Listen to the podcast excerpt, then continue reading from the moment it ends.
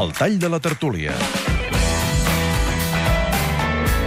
Gerard López, a veure, com ho has seguit això, tu? Home, avui Avui hem- ho tenies complicat, no? Hem, hem entrat amb força, eh? Sí. Primer de tot, el professor Joan Beculla ens ha assegurat que, que no ha begut.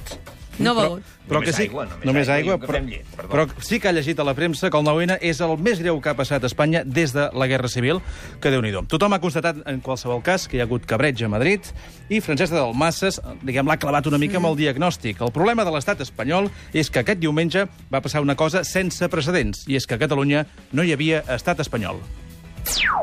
Hi ha un procés d'autodeterminació col·lectiva que ja és una evidència, que és una evidència, que diumenge no vam ser estat perquè no vam respondre a cap de les directives de l'Estat ni a cap de les, de les institucions que formen l'arquitectura d'aquest Estat, sinó que vam actuar de forma que creiem que era legítima i que era la més democràtica, la que era més cívica.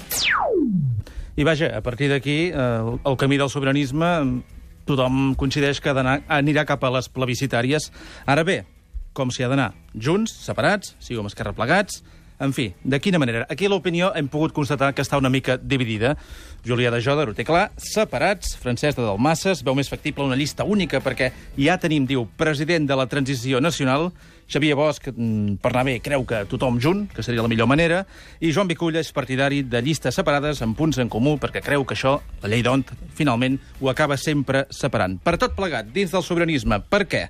Doncs perquè es busca que en la propera parada, a les eleccions, es pugui treure una clara majoria. I això vol dir rascar d'on sigui aquests 200.000, 300.000 vots que es diu que encara falten per poder tenir una, una assegurada majoria al Parlament. D'on podrien sortir? I ara pel tall de la tertúlia, Bru de Sala ho planteja així.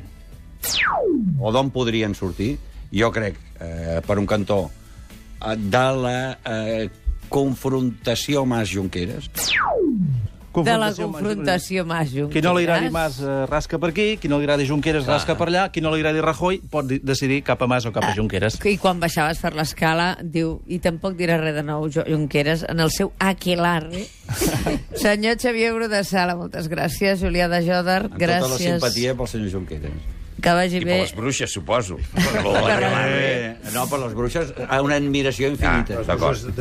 Joan Becullà, Sí, gràcies. proper dia serem més puntuals. Francesc de Dalmases, que vagi bé. Senyor Xavier Bosch, espero que s'ho hagi passat bé. Jo molt, molt, molt bé. Us Vinga. agraeixo haver estat aquí amb vosaltres. Que vagi bé. Fins ara, Gerard. Fins ara.